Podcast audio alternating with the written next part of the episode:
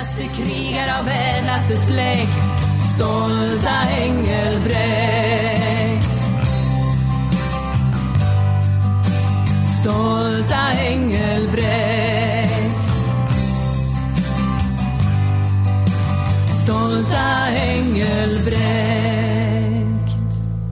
förmiddag svenskar och välkomna till dagens Svegot den 27 april 2023 live från Svenskarnas hus här i det fria Sverige i Elgarås. Jag heter Dan Eriksson och mitt emot mig står såväl Magnus Söderman Hallå, hallå, hallå. som Jalle Horn. Ja, det var, ja, just det. Ja, jag tänkte jag skulle säga att jag var Engelbrekt Engelbrektsson. Nej, ja, återuppstånden. Återuppstånden. Ja, Han lever inom oss alla. ja vi säger väl det. Eh, vi ska prata en del om Engelbrekt idag, såklart. Mm. Eh, det är Engelbrektdagen. Uh, ni är väl ute och marscherar idag, kamrater? kommer ske ett annat uppror. Ja, ett annat, eh, en, en annan aggression mot dansken och Kalmarunionen. Och jävla utländska fogdar och skit. Ja, för fan, vi är så många utländska fogdar. Jag gillar här. inte inländska fogdar heller. Nej, men, Inga fogdar.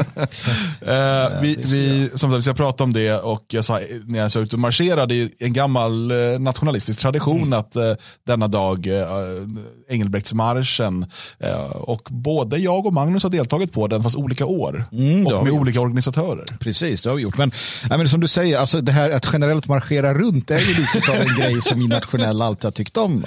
Vi, Några av de sista att hålla på med det. Sossarna fortsätter, alltså i, i princip har ju vi lagt ner nu. Ja, det, är också, det blir fel för att eh, det är ju egentligen bara ett demonstrationståg. Det är, ju klart. inte, det är inte någon marschdisciplin och sådär. Nej, det har vi varit särskilt dåliga på. Sen, sen 45, då gav vi upp ja, den delen ungefär. Men, men, men vi, ja, vi kommer till det. Vi ska Ja. prata Engelbrekt sen eh, lite senare. Och sen ska vi prata om kanske då Engelbrekts totala motsats. Ali Khan. Ali Khan. Eller, eller eh, kanske ändå inte. Libanons Engelbrekt. Ja, men, ja, alltså jag vet Nej, förlåt. inte. Li, Libyen. Nej, Libanon. Ja, ja, Ja, vi, tar reda, vi tar reda på det ja, sen när vi ja, kommer ja, dit. ja. Nej, men jag, tror att, jag tror att Engelbrekt och Ali Khan ändå skulle kunna hittat en del gemensamma Jag är osäker. saker. Jag tror inte att eh, Engelbrekt hade varit helt nöjd med Khan. Ja, inte i Sverige, alltså inte, nej, nej, nej, nej. Ja, men ja, mm. klaner, släkter, Ja, Ehm, danskar. ja det är sant. Ingen av dem gillar danskar. Jag tror inte det. Eh, vi eh, ska prata om skräckväldet från denna klan i Angered eh, med anledning av eh, den senaste nyheten därifrån som ju, som ju då berör eh, gymmet Nordic Wellness som har tvungna att stänga ner. Eh, vi ska prata om det men, men kanske generellt också om dels den här klanen men fenomenet i sig. Eh, för att det här är en sån viktig eh, insikt för att förstå hur Sverige delvis fungerar idag, men framförallt så är det en liten så här, möjlighet att blicka in i framtiden. Eh, Vad kommer vi få se mer utav eh, i Sverige?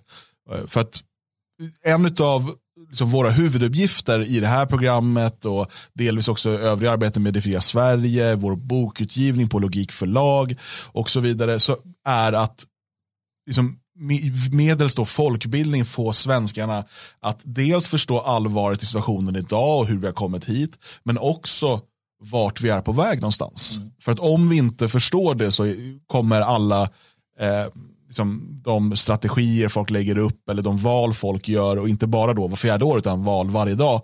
Eh, de kommer vara felriktade, missriktade.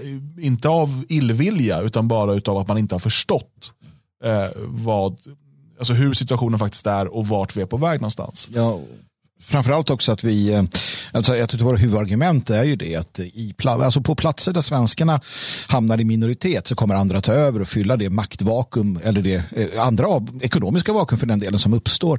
Um, och att det kommer då eh, vara menligt för samhället, för det svenska samhället. Och det ser vi ju tydligt med det här då. Om inte annat så är det ett, ett angrepp mot folkhälsan i Angered när gymmen inte kan bedriva sin verksamhet. Nej, men det, det är så väldigt tydligt att vi fick rätt igen då, att det är det här som händer. Och sen kan man då eh, eh liksom få upp det från mikro, mikronivå till en makronivå. Så, så kommer vi se hur Sverige utvecklas. Och så. Jätteviktigt ämne eh, som vi ska prata mer om. Eh, jag vill bara passa på, jag tycker det är liksom viktigt som du säger att eh, att det inte, att det inte tystas ner sånt där. Eh, jag tänkte just bara en, en tanke i huvudet hur det är med Engelbrekt för att bara knyta an det lite. Att eh, sossarna använder ju honom jättemycket som eh, frihetshjälte och det blev en symbol för eh, socialdemokratin. Eh, nu skulle de inte ta det i hand riktigt för ah, men det är sån nationalistisk sörja. Utan då ska det bara skyfflas undan och stickas under stolen. Men det, är liksom, det gäller att lyfta fram det där och ta över det. Precis som det gäller att nämna det här med eh, de här problemen som också skyfflas undan. Man får inte glömma ut att makten idag ligger väldigt väldigt mycket på att mörklägga det eh, så, som vi tar upp till exempel. Mm. Mm. mm.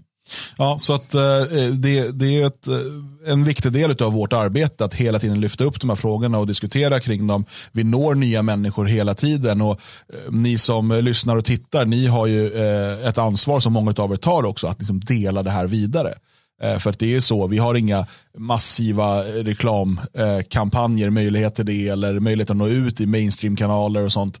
Eh, utan det är ju tack vare er som, som vi når genomsnitt på de här öppna avsnitten eh, runt 10 000 eh, personer per avsnitt. Men vissa når ju ännu fler vissa, och vissa klipp kan ju nå 50, 100, 2, 3, 400 000 har en del eh, nått ut till. Eh, så att eh, hjälp till och sprida det är vi väldigt tacksamma för och det ligger ju i allas vårt intresse. Jag tänker då att vi ska börja med just det här, vad förstår svenskarna egentligen? Och för att igår så, så pratade vi bland annat då om den här, eh, det här förslaget eller kravet på att göra aid till en röd dag. Mm. Eh, och det klippte vi ut sen och la ut som ett separat segment som var öppet för alla och inte bara för stödprenumeranter.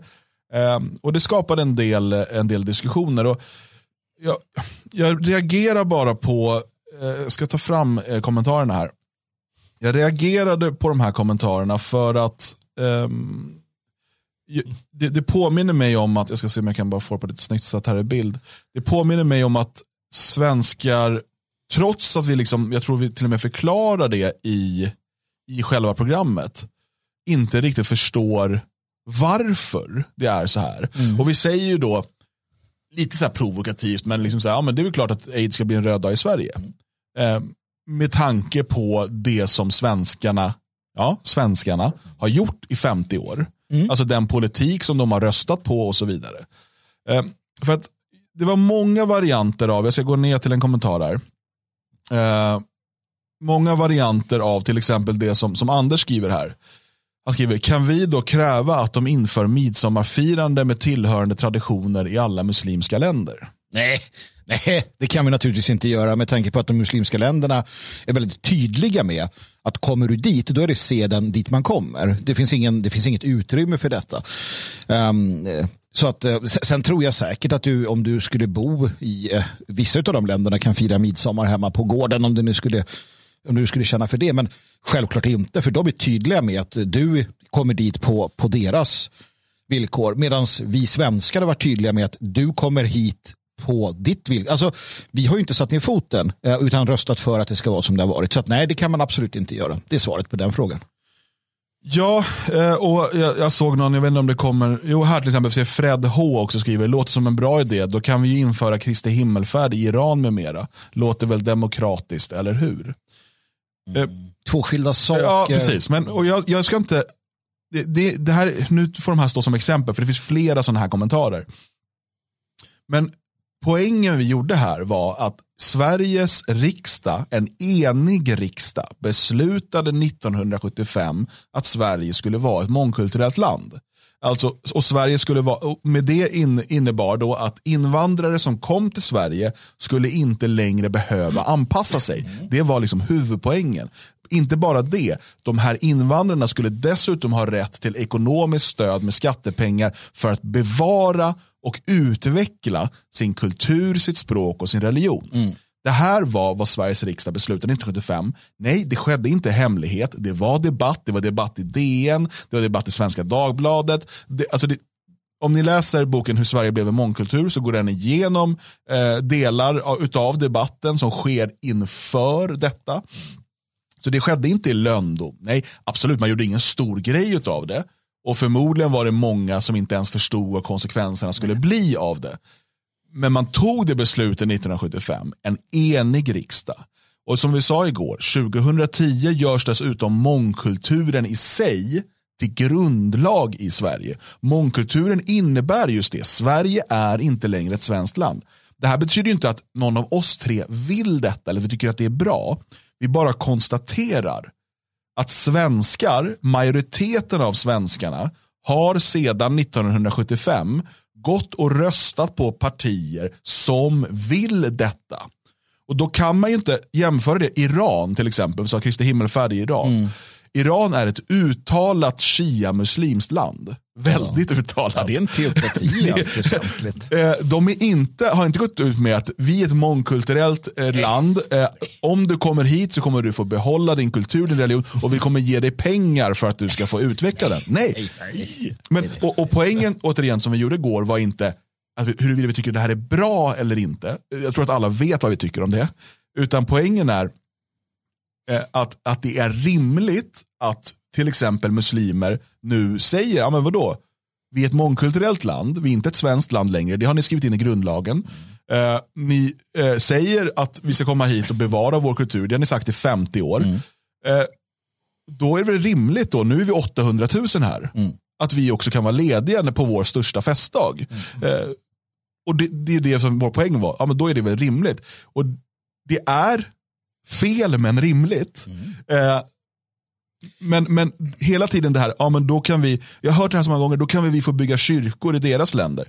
Ja, men varför då? De har ju valt, eller inte valt, men i alla fall ledare som eh, har valt, att nej, vi ska vara ett land för det här folket, för den här religionen. Våra politiker, våra, som svenskarna den absoluta majoriteten av svenskarna i 50 år gått och valt har hela tiden sagt Sverige ska vara ett mångkulturellt land, Sverige ska inte vara svenskarnas land och svenskarna har gått och röstat på det. Man sår och sen skördar man. Mm. När den här muslimen kommer och säger att Eid bör vara en röd dag, då får du kära svensk, har du inte gjort det här så ta inte åt dig, men du som har valt de här politikerna. Du får, du får eh, helt enkelt skörda det som du har sått. Och, och eh, Problemet är ju att vi lever i en, en demokrati. För att jag har aldrig, jag har aldrig röstat på något av de här partierna. Jag har ägnat hela mitt liv åt att motverka och motarbeta det mångkulturella samhället men jag, måste, jag, jag lever i den här demokratin där eh, när majoriteten går och väljer de här partierna så är jag tvungen att leva i det här samhället. Även om jag gör allt jag kan för att inte vara en del av det utan bygga mitt eget alternativ. Men, men, men så enkelt är det. Och eh, Man kan hävda att svenskarna inte visste vad de röstade på. De visste allt det här. Absolut, men de facto har man röstat på det. Och det här är konsekvenserna. Mm. Konsekvenserna kommer ju bli eh Eh, mer än sådär. Eh, det, det är som du säger, det är rimligt naturligt att eh, den här aid-dagen eh, blir en röd dag. Eh, då kan man ju tycka att eh, ja, men då, kommer, då ska ju eh, judar och hinduer och en massa andra eh, eh, religioner de ska också få en sån här dag i Sverige. Och det kommer de inte att få. Tvärtom kommer alltså muslimerna få ännu fler dagar. Och skälet till det är återigen att landet då har tagit emot så många människor människor från sådana länder och folket har vidare, som du påpekade nyss, röstat på de partier som har, som har sagt vi ska göra det och vi ska handplocka från just de här länderna. Det är Mellanöstern och det är Somalia och det är, det är andra muslimska länder i Afrika. Och eh, det, det, kommer bli ännu mer kan jag säga. Ja. För det är det, det är det rimliga och naturliga för de kommer att ställa krav på det. Precis som han gjorde i tidningen här igår. Eh, den här personen från, var han somalier eller vad var han för någonting? Ja, det, det är det som kommer att hända, så funkar det. Sen är det ju så också att ett land som är sekulärt inte har en chans eh, i förlängningen mot, eh, mot människor som har en, en övertygelse, en religiös övertygelse. Bolsjevikerna har försökt under många, många år att stampa ut kyrkan. Det går inte. Det, man kan bara säga så enkelt som ett folk som är rädda för döden och ett folk som välkomnar ja, döden. Eh, vilka kommer vinna en strid? Sen, sen tänker jag också att vi kan, i sådana fall så skulle man kunna lära utav, för det här åka dit och bygga kyrkor, de behöver inte åka dit och bygga kyrkor, det finns kyrkor. I princip alla muslimska länder har kyrkor, speciellt i Mellanöstern. I Iran finns en, en, en eh, kristen minoritet, det finns också en judisk Judiska. minoritet. Och de, de, eh, de lever och frodas, de utsätts de facto inte för förtryck på samma sätt som kanske kristna eller judar i Malmö gör. Nej, nej, alltså, det, det, sen har de ju vissa, de har inte riktigt samma rättigheter som Precis. andra. De eh, måste betala den här um, eh, skatten som Precis. vad den heter. Och så vidare. Och det är ju det man kan lära. Lära i, i sådana fall då att, att om du får in en liten minoritet, ja men då är ni, eh, ni får vara här och ni får bo här, men ni är inte medborgare, ni är undersåten, ni har en annan lagstiftning kanske, ni har en annan skatt som ni ska betala, eh, ni har andra liksom så. Eh, det, hade man sagt det från början, 1975, att ja, de här invandrarna som kommer, i Sverige ska vi vara svenskar, kommer det en minoritet, då har de särlagstiftning, särbeskattning, eh, de får inte röra sig utifrån vissa områden, de får, alltså vad det nu kan tänkas vara. Då hade det inte varit så jävla kul att komma hit. Nej. Nej, det är sant. Och eh, en annan sak som man kan, då kan lära av till exempel de här muslimska grupp, eh, grupperna eh, och andra som ställer krav. Eh, det är ju någonting som vi har förlorat här. Och man, man kan inte hela tiden anklaga de här väljarna. Till exempel 1975, det fanns ju ingen som kunde föreställa sig att det skulle bli så här 40 Jo år senare. Jo, det. Jo, jo, det fanns det. Det fanns nationalister som sa att det skulle ja, bli så här. Det, det är sant. Men de flesta, de flesta bara tittar runt omkring. men Det är omöjligt ju. Uh, Mm. Ungefär som eh, man brukar säga att ja, men på, på våren 1914 var det ingen som kunde föreställa sig att vi några, år, eh, några månader senare skulle sitta i skyttegravarna. Men jag ska bara Ja, ja, fortsätta ja, eh, det här. Och, eh, men, men visst, eh, men, men vanligt folk de, de, ja, men de märkte inte det. Och eh, senare har vi det problemet att alla grupperingar, nationella föreningar och så, som har försökt skapa en anda de har blivit nedtryckta i sin tur av politiker, av eh, eh, mest i massmedia, av de starka grupperna i samhället. Så att eh, de vanliga väljarna återigen blir rädda för den sortens anda och budskap. Eh, så man, man får ändå inte glömma att eh, det är inte helt lätt att förstå det som väljare. Även om man borde göra det så, så är det så att eh, för, för människor funkar ju så. De blir rädda för någonting eller de fattar inte att någonting håller på att hända. Och det stora problemet är ju givetvis den här sortens anda som till exempel finns hos de här eh, religiösa personerna, eh, särskilt i ledarställning, som säger att nu ska vi ha. Och de har inte funnits från nationell rörelse på grund av att de har förtryckts så mycket. Där- Jag, jag vill bara rekommendera en egen text där. Ja, men gör det. Eh, på danieriksson.com har jag skrivit en som heter Självcensur, en osynlig kedja i samhället. Som också handlar om det här, hur vi undermedvetet trycker ner tankar eh, och liksom så att de inte ens kan formas. För att, just som du säger, att man har då, eh, alltså det sociala stigmat när man så trycker ner nationalistiska eh, föreningar och företrädare och, och, och så vidare. Det gör att en del människor inte ens tillåter sig att tänka tanken att det skulle kunna finnas någonting där. Eh, jag skriver lite om det där bara. Så att jag, Mm. Jag säger inte att du har fel, eh, Jalle. Jag säger inte att du har fel. Utan ni har båda rätt. Men jag vill också påminna om att vi exempelvis i Sverige har en praxis. En grundläggande idé om att även om du inte känner till hur lagen är skriven så har inte du rätt att bryta den. Utan du måste ta reda på hur lagen är skriven. För land ska med lag byggas. Om du säger, Nej, men jag visste inte det här. Nej. Då döms du i alla fall. Ja. Och om du säger att jag visste inte det här så är du dömd av historien och framtida generationer för det du gjorde. Så bot och bättring och ingen jävla undanflykt. Nej, och där kommer du in på vad som är, är viktigt och det är att folk när, när, när den här nationella gnistan saknas, då tappar de stoltheten. Jag är stolt i mitt land och jag tänker inte låta det gå hur som helst. När det glöms bort, då händer precis sådana här saker. Då händer vad som helst. Då går det hur som helst. Så är det. Eh, och jag ska se, Eva-Marie skriver här, framförallt trodde man att de som vi gav skydd skulle resa hem igen, inte stanna kvar och bosätta sig här. Eh, och Det trodde man nog, eh, och det såldes ofta in så, eh, att det här är flyktingar som behöver skydd och så vidare. Då hade man ju bara behövt lite, lite, lite, lite historisk kunskap för att se att det funkar i stort sett aldrig så. Eh, man hade kunnat kolla på de länder som då hade, låg så att säga före Sverige det här. Man hade kunnat kolla på de gamla kolonialmakterna, du hade kunnat kolla på Frankrike, Storbritannien och så vidare. Där, eh, där liksom folkutbytet redan hade börjat komma igång. Eh, till skillnad från Sverige då, som sen gasade på sen och skulle komma förbi dem. Liksom. Men, eh, så, att, eh, så, så, är det absolut. Och, men jag menar att det här egentligen är två olika saker. Alltså, det finns ingen mening med att, för att 99% av svenskarna röstade för detta som sagt. Mm. Det finns ingen mening att peka på dem och säga att ni är dumma i huvudet, ni kan alla brinna på bål. Liksom. Nej, nej. Bara blir arg. Bara blir arg. Ja, jo, men, jag menar, det, utan, men det viktiga är, poängen här är ju att, här, att när vi nu pratar om konsekvenserna så måste man förstå varför vi har de konsekvenserna. Mm. Annars kommer man aldrig kunna lösa det. Och om man då man tror att, så här, att muslimer i Sverige säger ja, Eid borde vara en röd dag. Att det går att jämställa med, ja men då ska Kristi himmelfärds firas i, eh, i Iran, eller blir en röd dag i Iran eller något sånt där. Mm. Då har man ju inte förstått att nej, för att Sverige är en mångkultur, alltså enligt lag, enligt grundlag. Mm. Iran är ett shia-muslimskt land enligt grundlag. Det är den stora skillnaden. Och om man måste, för att och men jag ser liksom den här argumentationen ofta, den, den, liksom, den håller inte. För att anledningen till att de här kraven ställs av utlänningar i Sverige, det är ju att svenska politiker, valda av svenska väljare, har eh, öppnat upp för det och till och med välkomnat det. Om man inte, och därför måste man förstå att ett, ett parti som ska komma åt det här, om man nu tror på en parlamentarisk lösning, måste ju eh, vilja avveckla mångkulturen, ändra detta i grundlagen och så vidare. Eh, och där tycker jag att det är positivt vad till exempel det annars väldigt ljumna Sverigedemokraterna, de är inne och petar på det här hela tiden och säger, hmm, borde det inte stå i grundlagen där det står all makt utgår från folket? Att, vilket folk? Mm. Borde det inte stå det svenska folket?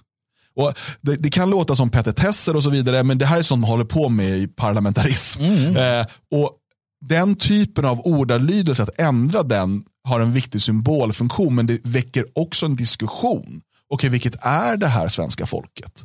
Um, och man, alltså, Sverige har under lång tid varit liksom ockuperat av socialdemokratin som bit för bit har skrivit om Sveriges historia. Vi pratar om Engelbrekt, hur man stal honom som symbol, men också hur man eh, liksom via sin kontroll över skolväsendet med skolplikten och så vidare har i stort sett, alltså, väldigt många svenskar att prata med idag tror på allvar att det var sossarna som byggde Sverige. Mm.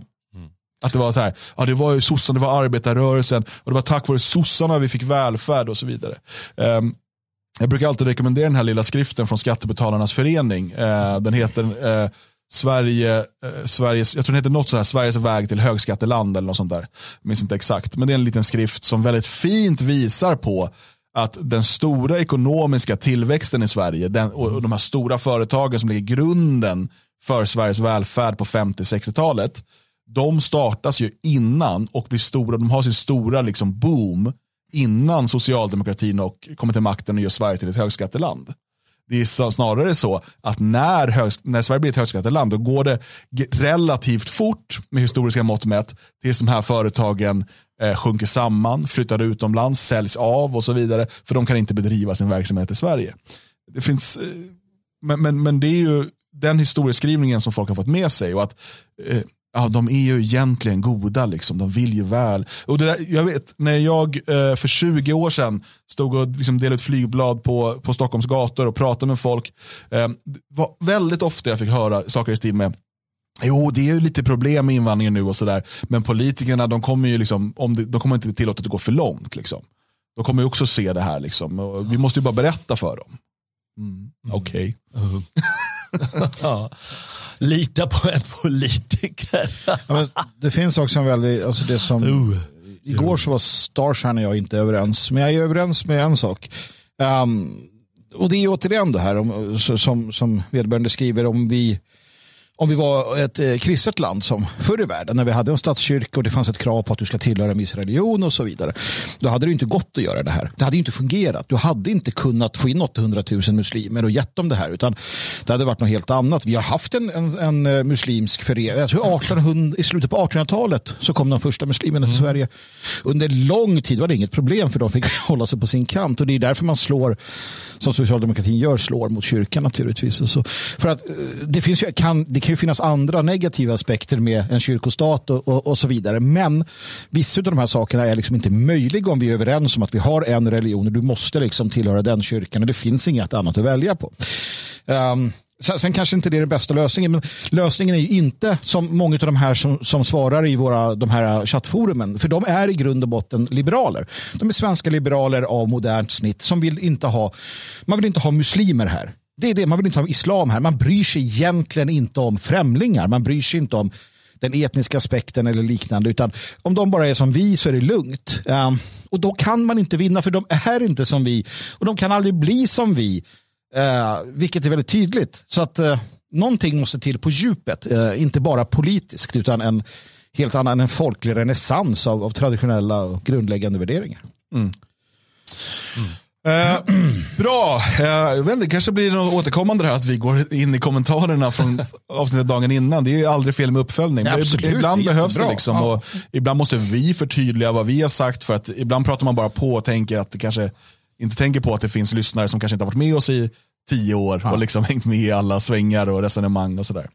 Eh, så att, fortsätt lämna kommentarer. Eh, det är alltid intressant att läsa. Vi läser alla kommentarer och eh, hittar vi något speciellt så tar vi gärna upp det mm. i en, i en sändning. Mm.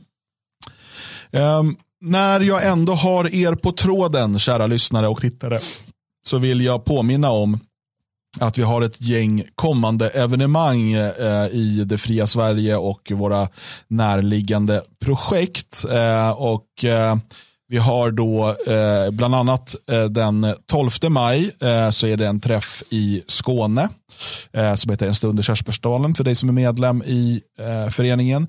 Om du inte är medlem i föreningen eller om du är medlem i föreningen så kan du fortfarande boka in dig till eh, releasefesten och föreläsningen med Roger Devlin Eh, som ju, eh, vi släpper ju hans bok eh, Den sexuella utopin vid makten. Den kommer nu äntligen på svenska. Storsäljare på både engelska och tyska. Eh, och nu ska den göras ännu mer tillgänglig för en svensk publik. Och eh, då kommer självaste Devlin till Sverige, till Stockholm eh, för att eh, tala för oss. Eh, även Jalle Horn kommer tala den dagen och även eh, Ernst Robert Almgren.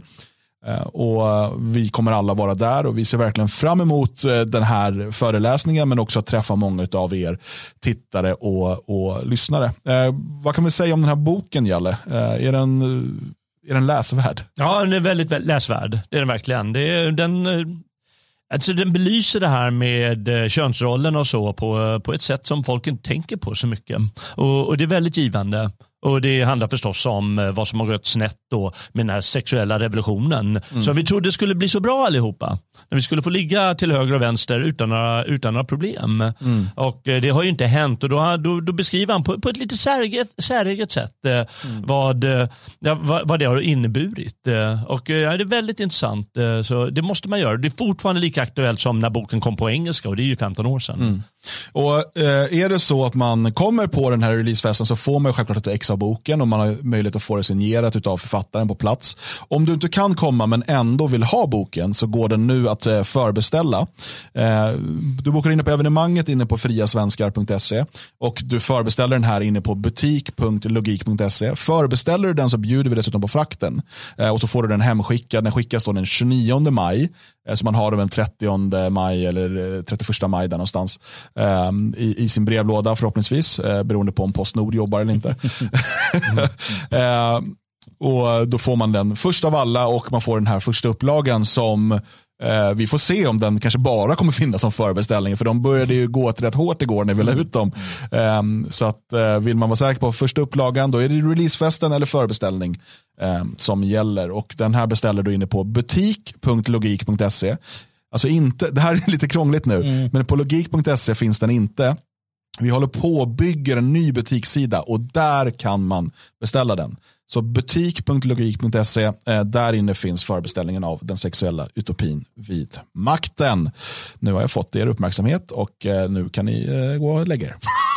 ja, färdigt? Kan vi avsluta nu? Nej, det kan ni verkligen inte. För nu, 27 april, är det ju Engelbrektsdagen och vi ska prata lite om Engelbrekt, Engelbrektsson.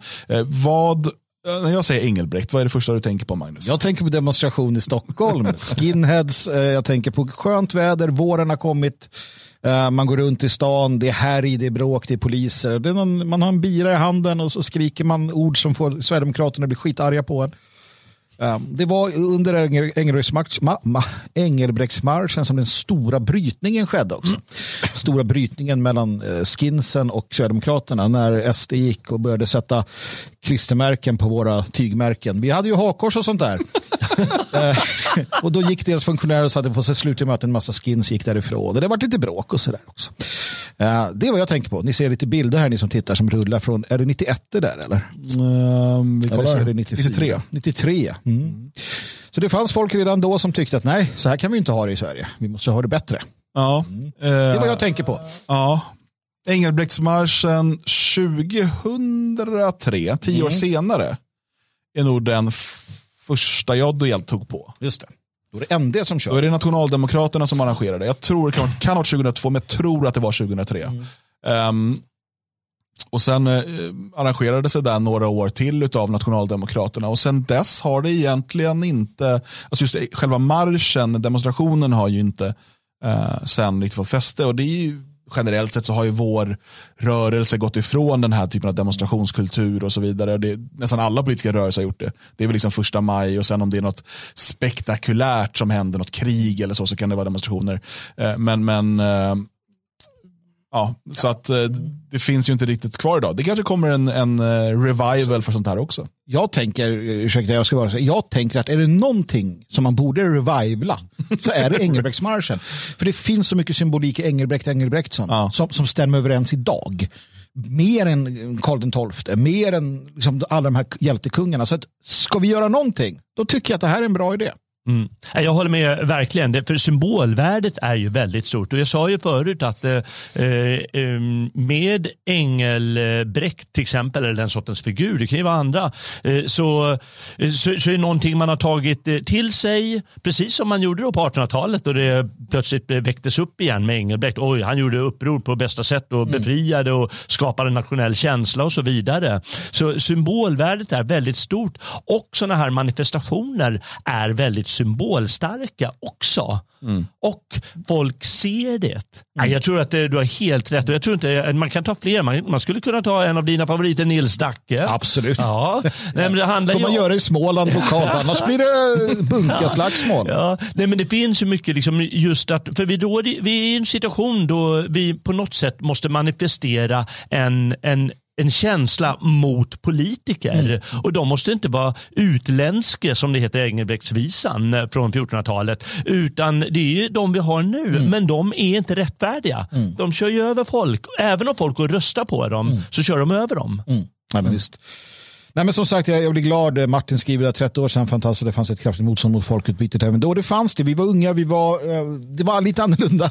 Eh, men du, du har ju de här äldre herrarna, du har äldre och äldre. Anders Klarström har ju synts här upp. SDs första partiledare. finns andra i bakgrunden som hade ursprung i BSS eh, och så vidare. Så att det fanns det definitivt och, och många har ju liksom, eh, eller ett fåtal fortsätter att vara aktiva liksom in i vår tid. Många utav de här ligger ju till grund för SDs framgångar idag. De har röstat på SD lojalt. Um, andra har det gått illa för, tyvärr, eh, såklart. Det, en, det var en stor ungdomsrörelse på den här tiden också. Som, men den var betydande alltså, och det ser man ju. Det är stora demonstrationer eh, på, i början på 90-talet. Det, det kan vi inte. Så det här att, att motståndet var liksom inte, att man inte såg och hörde, det stämmer inte. Utan Nej. det fanns och det, det, var, det var tydligt. Det var det. Sen eh, var det ju på ett sätt ändå en marginell rörelse. Alltså det fanns ju ingen parlamentarisk representation att tala om. Det fanns inte, eh, och, och, eller medial representation och så. Eh, och, jag menar, så det här är 30 år sedan de bilderna vi ser nu. Eh, det finns idag en, en delvis en parlamentarisk representation genom Sverigedemokraterna. Eh, men den mediala representationen den sker fortfarande i alternativ media. Ja. eh, för, för de, de idéerna. Men Engelbrekt då, Engelbrektsdagen idag. Om man skulle förklara för en svensk idag vem Engelbrekt var, vad skulle man, hur, hur förklaras han bäst? Jalle? Ja, men han var en, uppe, en ledande person uppe i Bergslagen. Vad ska man ta? Han född i Närke tydligen. Men man, låt oss Dalarna från... brukar säga att han är, da, han är från Dalarna. Ja, de bråkar ja, om det där. Ja, de bråkar. Ja. ja. men det är bra. Ja, ja, men det tycker jag man ska göra. Man ska, det finns, det finns många, så, många figurer som mm. hamnat i den där trätan. Mm. Men låt oss säga från Örebro-trakten och uppåt då, in i Dalarna då, där Bergslagen ligger.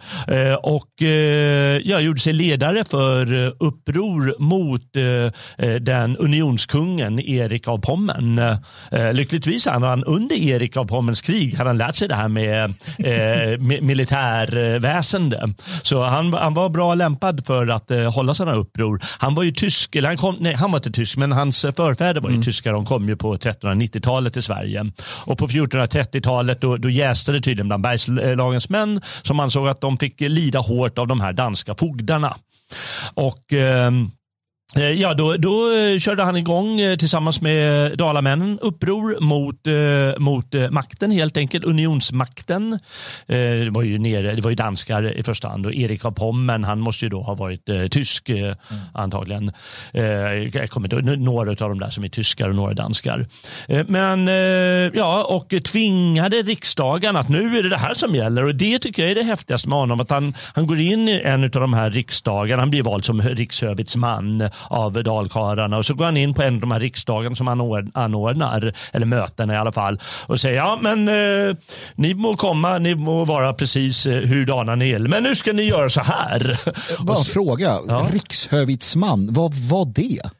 Det var någon sorts eh, Eh, i, i Sverige, i och med att Sverige inte var ett eget kungadöme utan var en del av unionen mm. så var det en, en, ett högt form av ämbete. Mm. sånt. Och man bara mm. valde honom och sa nu är det så här. Ja, jag vet inte, jag kommer inte ihåg. Det är, liksom så mycket, det, det är långt tillbaka i tiden. Men, ja. det är men, också från en tid i historien då det, då det såklart, som, så det är all historia, men det är svårt att veta vad är eh, propaganda för och vad är fin propaganda, mm. vad är liksom, det är allt alltid svårt i de här. Det är samma med när man läser om Gustav Vasa och vad heter han, Svart och sådär. Liksom det... Ja, Engelbrekt han ingår ju dessutom i ett, eh, ett, ett skede då, lite, lite senare den, eh, gjorde sig den här Karl Knutsson bonde till kung kan man säga inom den här unionen, han kallar sig för kung, eller så, och bedrev väldigt hård propaganda. Och Engel, mycket av Engelbrekts eh, eh, krönikan och liknande historier har skapats då. Eller liksom man har gjort lite mm. extra mm. krydda av det hela. Men, men jag tänker att han, han måste ha stått och sagt eh, så här. Jag tar ett citat som, som jag hittade. Om det nu stämmer vet jag inte. Men om is, och det är liksom på en av de här mötena inför biskopar och, och adelsmän. Om i sträven att mera gynna konung än fädernesland, tyranni än oskuld, rövare än landsmän, så behandlar eder från denna dag ej som medborgare utan som fäderneslandets öppna fiender. Och jag svär vid Gud själv, alla oskyldigas försvar, att eder lön skall vara lika med de grymma fienders, vilka i ansen eder böra skydda. Där har vi det, mm. gott folk. Det som vi pratar om. Vem är svensk? Vem är en del av folket? Engelbrekt är tydlig. Jag skiter i vilken är. Om ni fortsätter att tjäna kungen av Danmark eller vad det nu kan vara, då är ni, då är ni inte en av oss. Då är ni landsförrädare förrädare, då är mm. ni liksom avskum och vid Gud, vi hänger er. Mm. Uh, där har du det. Ett annat citat från Engelbrekt, återigen. Vi, så här, vi kan ju sitta och problematisera som några jävla dekonstruktiva eh, postmodernister. Liksom. Men, men, och det tycker jag är, utan eh, vi vet, vi vet mycket om Engelbrekt och jag menar att myten är exakt lika viktig. Så att, låt oss inte problematisera det här mer nu. Jag har, jag har gjort det tillräckligt. Mm. Eh, en annan sak som, som han har sagt eh, om, om, om, hur han såg på eh, sin vision då för, för Sverige. Eh, och det, här, det här citatet är ju någonting som även sossar har använt då för att visa på att han var socialdemokrat. uh, är ju eh, så här. Ett klasslöst fosterland där bönder och adel ärver landet alla lika. Ett Sverige fritt från utländska fogdar och främmande intressen. Svensken är född till frihet.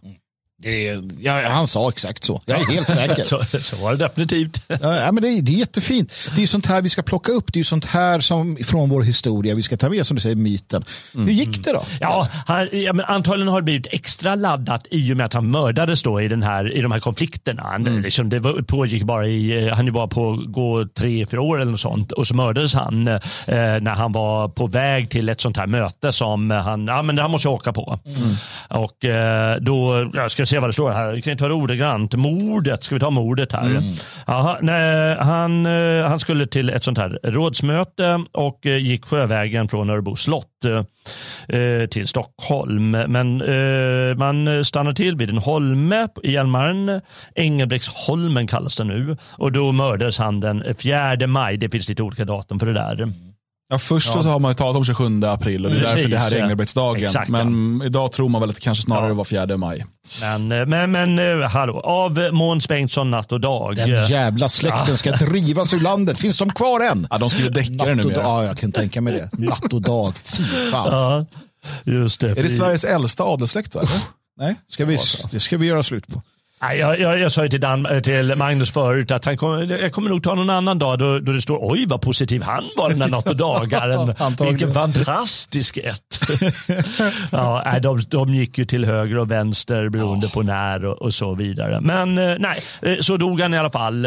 Och eh, då, eh, då drogs det väl eh, ner lite upproret men eh, ändå gjort en manifestation. Och eh, en sån manifestation, då makten ryggar lite tillbaka ofta. Men, och, eh, han eh, ansågs ju vara ett, ett helgon. Eh, Och Det som är intressant är att sen efter reformationen, när man liksom gör sig av med helgon och sådär, så fortsätter ju han liksom, så att säga, dyrkas utav svenskar. Eh, alltså, även, inte bara liksom kort efter reformationen, utan ända in i våra dagar. Alltså, han bör eh, lyftas fram som alltså, någon form av förfäders jag är, jag är helt klart eh, för alltså förfäders dyrkan inom, inom citationstecken. Men självfallet så ska en sån som Engelbrekt Engelbrektsson ha ett, ett liksom, man ska ha ett familjealtare, ett fädernes liksom, altare hemma där du har de stora gestalterna och sin, eget, sin, e-, sin egen släkt. Mm. Det kommer en fråga här från eh, German Hedning om vi har några boktips om Engelbrekt. Jag, eh, Svenska folkets underbara öden, eh, första bandet tror jag, så skrivs ganska mycket. Och även Heidenstam har ju skrivit eh, om honom. Ja, annars jag vet inte om det finns några böcker just om Engelbrekt. Jag har inte på rak arm. Jag har, hittat, jag har en hel del hemma, men de är, de är norpade liksom så här, när jag har varit på något antikvariat och så är den gammal så köper jag Engelbrekt. Jag köper allt om Engelbrekt. Liksom. Så jag vet, och jag vet inte vad det är för någonting. Jag har inte liksom hunnit gå igenom allt, men, men vi kanske kan ge ut någon. Det- Jag tror att eh, senaste var väl något av er, er stora favorit, Dick Harrison. Den där jävla marxisten. Fy fan. Ja, som skriver, men det är säkert okej. va? han har ju någon konstig serie. Så han, ska, han ska skriva så jävla mycket, tjäna så mycket Ja. pengar nu. De stackars förlaget har det. Skriv nu en bok för guds skull. Jag skulle tror vilja det är någon serie som heter Sveriges dramatiska historia och då är det väl en liten bok om Jag skulle- Engelbrekt-tiden. Jag skulle vilja att Liljestrand, heter han det? Som har skrivit om Gustav, eh, om Karl XII och andra, eh, Hitler och så. Bengt Liljestrand. Bengt, ja, för han, är, han, är, han är duktig. Jag tycker han är, han är, han är bra. Eller var i alla fall i de böckerna. Tyvärr vet jag inte.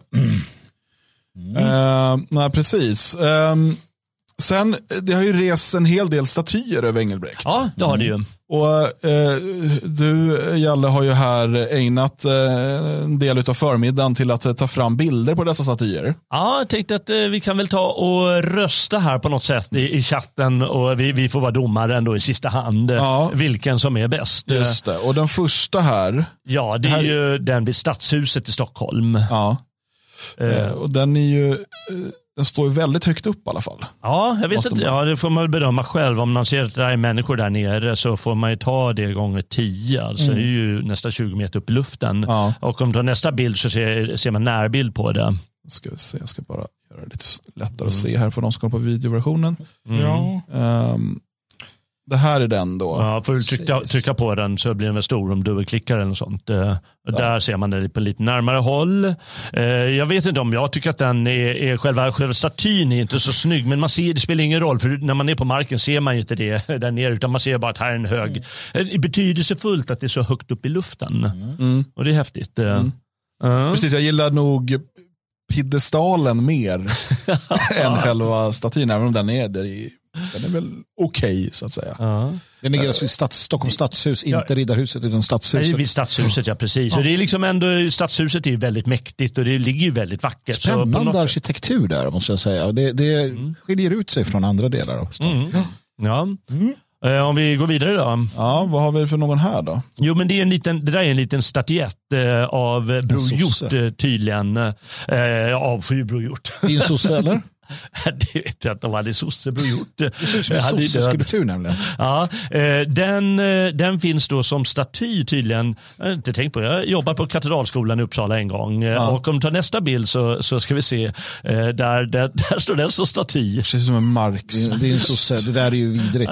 Den där ska ju bildstormas och brännas. Är det någon i chatten som tycker att den här är snyggast så kommer jag stänga av er. Ja, nej men absolut. Ja, men det är så här, det är klassiskt öststats-Tyskland. Det är Marx liksom. Det här är så kallad domarnas eh, påverkan på de som Ja, vi- vi- fram. Ja, vi går väl vidare och ser vilken nästa är då. Ja, Ja, om du tycker att den här är bättre kanske då. Eh, Där är Den någon... där utropade jag när jag såg den. Fan, det är den bästa. Det står att den är direkt. 15 meter hög. Jag vet inte om den finns kvar. Jag såg den här artikeln 2015. Vem är det som äger den? Står det. Jag tycker det är häftig. bonde som har gjort något häftigt. och den det är här det står, är vart står den någonstans då? Eh, jag Norberg. Där ser vi. Ingen vet vem som har gjort det. Alltså, det är det jag gillar. Det är bara någon som säger nu ska det jävlar mig resas en staty här. Ja, men det är häftigt. Han ser lite mer allmogeklädd ut. Ja, jag gillar inte honom. sådär, eh, eh, När det inte är brons så blir det, att det blir, man, man får lite mer känsla Mm. för det. Ja, ja men den, eh, nästa då, vilken är det då? Det är liksom, där är en i... kolla gödbuken. Han gillar jag. Den här påminner mig om Gustav Vasa på, vart är den, den här stora trästatyn? När han sitter i, eh, inte det i... I Dalarna eller? nej, i, i Stockholm på, är det Nordiska, nej, Nationalmuseum? Eller? ja, nej, någon nej, av dem där. Han sitter. Ja. Ehm, jag vet inte, i stilen på något sätt. Det här eh, undrar om inte det är från Örebro kyrka, jag ser inte texten här. eh, eh, Men där ligger han ju begravd, eller där begravdes Ja, han. I Örebro. Närke, ja precis. Jag gillar dimension. Alltså vilken jävla. Jag- Alltså jag säger det, det här visar ju det. Det visar ju det att så lita på de storvuxna rebellerna. Där har ni verkligheten. Ty, liksom. tydligen var det svår, han hade lite svårt att rida där på slutet. Ja men det kan bli så. Det får man liksom kompensera med en eh, stark hand. Här har vi Falun då. Ja, precis. Den eh, tycker jag var lite otydlig på grund av eh, patinan som, eh, som har skett där. Men ja, där finns någon. Den såg inte rolig ut alls kan jag tycka. Nej, men... Ser ut som att det är någon form av... Men den kan ha varit vacker när den var ny. För att det som du säger, paternan gör att den nästan den ser liksom, ja, jag behöver nog studera den lite närmare. Ja, jag Ja, behöver man göra. Ja. Här är då den Klassikern. den klassikern i uh, Örebro. Va? Mm. Just det. Står han där på något torg eh, och har en yxa i handen och man ser inte riktigt härifrån men uh, håller han en fin yxa. Och uh, har kniven här. Och uh, ja, han ser ju cool ut där, måste man säga. Ser högrest Jo, ut. den är också väldigt sådär. Sossarna har väl använt honom också där. Så här, någon blandning mellan Hjalmar Branting och Karl Marx eller något sånt. Ja, men det är ju väldigt, den är ju också väldigt förväntad. Den, den lämnar ingen sån här wow, utan det är så här, ja, det var Var så är du, vad är din favorit än så länge? Eh, än så länge är det plåt, eh, plåtgubben. Plåt-Niklas. ja, absolut. Den som folket har gjort själv. Det är min favorit. Och, och sen är det gödbuken. Ja, den här tycker jag är cool med svärdet där. Ja, Eh, den är mer bra. Den Den står i Arboga tror jag det är. hon kommer Mm, det är en lite mer ungdomlig variant. Han blev ju inte så gammal. Han eh, kan ha blivit eh, 30-40 år. eh, 40 år ungefär. Så det kanske passar lite bättre. Eh, Det är ju alltid coolt tycker jag. Man, man är ju så van vid Gustav Vasa med sitt stora skägg. Men man, liksom, när man tänker honom när han gjorde uppror på 20-talet. eh, Då är ju en helt annan ung man givetvis. Eh, Så, så kan man tänka om honom också. Nej, men den där gillas. Absolut. Mm. Och sen så har vi då den här då, eh, Gamla stan i Stockholm. Jag tycker det är väldigt häftigt med, den, den står ju också en bit upp då. Eh, jag tycker det är häftigt med, eh, med, med armborstet och, och liksom rörelsen på något sätt. Men ja, jag vet inte om jag är så förtjust i själva, eh, själva modellen annars. Eh, den, den, den, den, I och med att den är hopkrympt så här, det, det, så där ser det ut. Det ser ut bara som något konstigt. Ja, alltså från en viss, eh, från en viss eh, vinkel var den cool, men här ser den ganska knepig ut. Så vilken är er favorit, eh, chatten? Eh, Örebro skriver man här, flera stycken. Örebro Kom igen nu, bäst. kom igen nu Eh, Arboga. och, ja, precis. Jag är nog mer inne på... Eh, Tar du Arboga, då tar jag team eh, Norberg. Team Norberg här, kom igen, skriv Norberg. Lyssna nu grabbar och tjejer. Det är alltså svenska folket själva.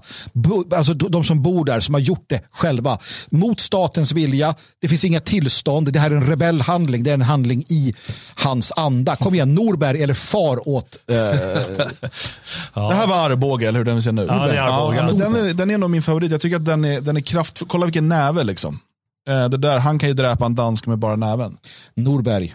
Ja, Petsen jag, Findus. eh, jag är... Jag tycker, Kom igen Wocky. jag Ja, tyck, ja, men då så slår jag eh, en slår jag slag för Örebro, Örebro. Jag gillar när han har sin uh, yxa där. Ja. Han, står, han står så här och dessutom står i så här klassisk kontrapostställning och så har han sin yxa redo. Det, det ska ju manifestera liksom en vilande, den här, den, här, den här ställningen är den mest klassiska av alla ställningar, statyställningar. Och det är liksom både vilande och eh, att han är beredd, att han är beredd att röra sig för annars skulle han stå mer st- stelt. Så han är liksom i balans men ändå beredd att röra sig och har yxan redo att gå upp i hugg. Just det. Ja, jag, jag känner att det är väldigt... eh, Jag känner att det behöver min... Vart är, Jag vart känner är att vi behöver fler statyer av Ja. Engelbrekt. Tage? Vart är Tage Kolander? Jag tror att han skulle varit en, eh, en anhängare av Plåt-Niklas. Ja, jag ser honom inte i chatten. Vad i helvete? Ja. Ja. Eh, det har ju skrivits mycket om Engelbrekt också av vårt eh, folks skalder. Eh, och jag har väl två stycken som jag tycker vi ska passa på att läsa en dag som denna. Eh, och den mest kända eh, är väl den som du har tänkt att läsa, Jalle, och det är ju en del av en annan. Ja, nu måste du, eh, måste du fråga mig vilken du menar. Ja, du, du skulle läsa två. Jag har också, då ska vi läsa tre idag. Jaha, oj, det blir mycket här. Ja, men vilken är den mest kända då? Ja, Är det måste ju vara Engelbrektsvisan, Frihetsvisan. Ja, just det. Det finns ju en lång Engelbrektsvisa som avslutas med den berömda Frihetsvisan. Eh, Jag tänkte vi undviker Frihetsvisan idag. Det är den som börjar Frihet är det bästa ting. Ja, just det. Eh, För den är ju Biskop tillagd. Thomas. eh, mm. Medan själva visan, den handlar om Engelbrekt. Och jag kanske hoppar över ett par strofer. Jag har lyckligtvis så har gjort det eh, till så det funkar med nusvenska. Den är skriven på 1400-talet, 1439 eh, och sånt. Eh, och den går så här. Det var en man, han hette Engelbrikt. Om honom nu börjar denna dikt. I Sverige var han födder. Han förde i landet klubba och svärd. Han fäktade fast utan flärd och därtill var han nödder utländske rådde Sverige då. Det kunde i värre i riket stå, de styrde land och fäste. Svenske män hade tocken nöd, de ville då hellre vara död än lida un- längre under slika gäster. De ledo våld och stor armod, de göt ut svett och blod, det kunde ingen böta. För en Gud med sin nåd gav dem där till hjälp och råd att orätt neder stöta. Gud väckte upp Engelbrekt, den lille man, som till detta ärendet litet göra kan. Men Gud gav honom makt och snille. Slott, städer, folk, län och land, de gingo honom fullt snart i hand. Gud fogade som han ville. Eh, vad Gud ville, det måste allt ske. Han utdrev, utdrev ändock alla det som riket ville förarga. Var det bömare eller var det ryss? Var det polack eller var det pryss? Det vill säga preussare. Han älskade dem som vargar. Eh, jag ska ta lite till här. Då han hade så manligt stritt och ryktet gick över världen vitt, då fick han det till löna. En tid han for från Örebro, då vart han slagen i godan tro. Så plägar man troskap röna med ironi han. Han vart karvad som den fisk som stekaren lägger på sin disk. Det var en omild gärning. Han fick väl i sig 15 skott. Det var en sorglig arvelott. Hans hustru fick som värning. Ja, och så ska, ska, jag inte, ska jag inte fortsätta för det, det går ett antal strofer till och sen är det Frihetsvisan. Men den, den är kraftfull. Eh, Den finns med i en diktsamling eh, som jag planerar om svensk patriotisk dikt eh, som ska komma på, som kommer finnas att köpa så småningom. Ja, Det ser vi fram emot. Ja, verkligen. Jag med. Det har kämpat länge med. Eh, Men vi måste ju då ta den här eh, berömda eh, Engelbrektsmarschen som finns då inspelad eller som gjorts musik till och var tydligen otroligt het under stora delar av 1800-talet eh, och början av 1900-talet men sen har glömts bort lite. Det var alltså 1800-talets Opa Gangnam style kan man säga. Mm, så var det. Ja. Och Jag kommer gå och hämta vår termos med kaffe så länge för det här kommer bli ett långt program. Eh, inte på grund av dig nu Jalle utan för att vi har ett helt ämne till sen. Ja, vi har ju det. Ja. Eh, Men jag, jag berättar lite om den också. Det är alltså ett, eh, en pjäs eh, eh, som kom eh, 18, på 1830-talet eh, av August Blanche. Den heter Engelbrekt och hans dalkarlar. Eh, och sången då som eh, ett litet utdrag ur den här pjäsen, eh, den var alltså jättepopulär. Eh, vi ska se här vad jag kan hitta om den eh, som är så spännande. Eh, den spe, skådespelet spelas tydligen 1846. Eh, och eh, det är ganska roligt. Eh, Eh, det jag läste sen, den, blev alltså, ja, den har använts till höger och vänster. Några som har använt den, det är nykterhetsrörelsen. Och de skrev om texten till heter Vill du våga en dust? Jaså, du säger det? Ja, roligt med, med text av någon som heter Johan Hellberg. Eh, och, den het, eh, och då står det om den lastgamla sed och det är förstås alkoholen. Så den har använts, eh, och sossarna har ju använt det här och alla håller på att använda det här. Men själva eh, marschen, eh, den, eh, den har ett litet, en liten fördikt som går så här. Fast armod och mödor bebott våra käll fanns frihet och lugn mellan fjällen. Vi plöjde vår teg från morgon till kväll och malmen vi bröt ur, ur hällen. Förtryckan då kom för att suga vårt blod. Men här ska han finna både männer och mod bland Dalarnas åldriga fjällar. Åldriga fjällar. Du Herre som styr över himmel och jord med mildhet tag mot våra böner. Beskydda vår kära fast torftiga nord, gjut kraft ut i Dalarnas söner. Tryck våldet till jorden, ty makten är din. Låt aldrig förtrycket få tränga sig in bland Dalarnas åldriga fjällar. Och så kommer själva marschen väldigt kort här. Tågom fram ut i striden för fädernes land mot förtryckarnas skaror med svärd ut i hand och mot nordiska folk ännu frihet ska le ty åt oss himlen seger ska ge. Tåg om fram för vårt land att med svärdet i hand ifrån fjällar till strand lossa träldomens band. Tåg om fram för vårt fädernes land. Fint. Ja, hur bra som helst ju. Det där är fint. Det, är så där, det, där är, det där är poesi. Det där är dikt. Herregud alltså. Det är så här det ska vara. Det är Göran Greider då? Storvu... Jävla tokigt. Storvulet, det, det här väcker känslor. Inte sån här jävla liksom, modern töntpoesi som Åh, en blomma föll från eh, tunnelbanan. Jag skulle säga att det här är en bortglömd genre. Den, den har helt tonat sig. Den liksom var inte inne där kring sekelskiftet ens, utan den var lite före. Och, ja, ja. Eh, Mycket större i början av 1800-talet och i mitten av 1800-talet än, än senare. Men, men. Ja, men jag gillar, jag gillar. Härligt. Ja, vågar jag mig på att försöka läsa något nu efter det här? Jag, Det tycker jag man ska. Det är bara, eh, tänk som eh, Engelbrekt. Han bara körde på mot Jösse Eriksson. Eh, nej, för att jag eh, tänkte på Johan Nyboms Engelbrekt, det är en Uppsala-poet och den här eh, framfördes då första gången vid firandet av Engelbrektsdagen i Västerås 1865. Så det är 158 år sedan eh, som Johan Nybom framförde den här. Och han, han har skrivit eh, flera patriotiska visor, eh, Johan Nybom. Ehm, ska jag försöka? Det ska du. Ja. Plats här på scenen Engelbrekt med mänsklighetens genier släkt. Sitt folk fridhälsar här. Han bär väl ingen kungaskrud, den dräkt han bär den är av Gud och frihetens och ärans bud till Sveriges folk han bär.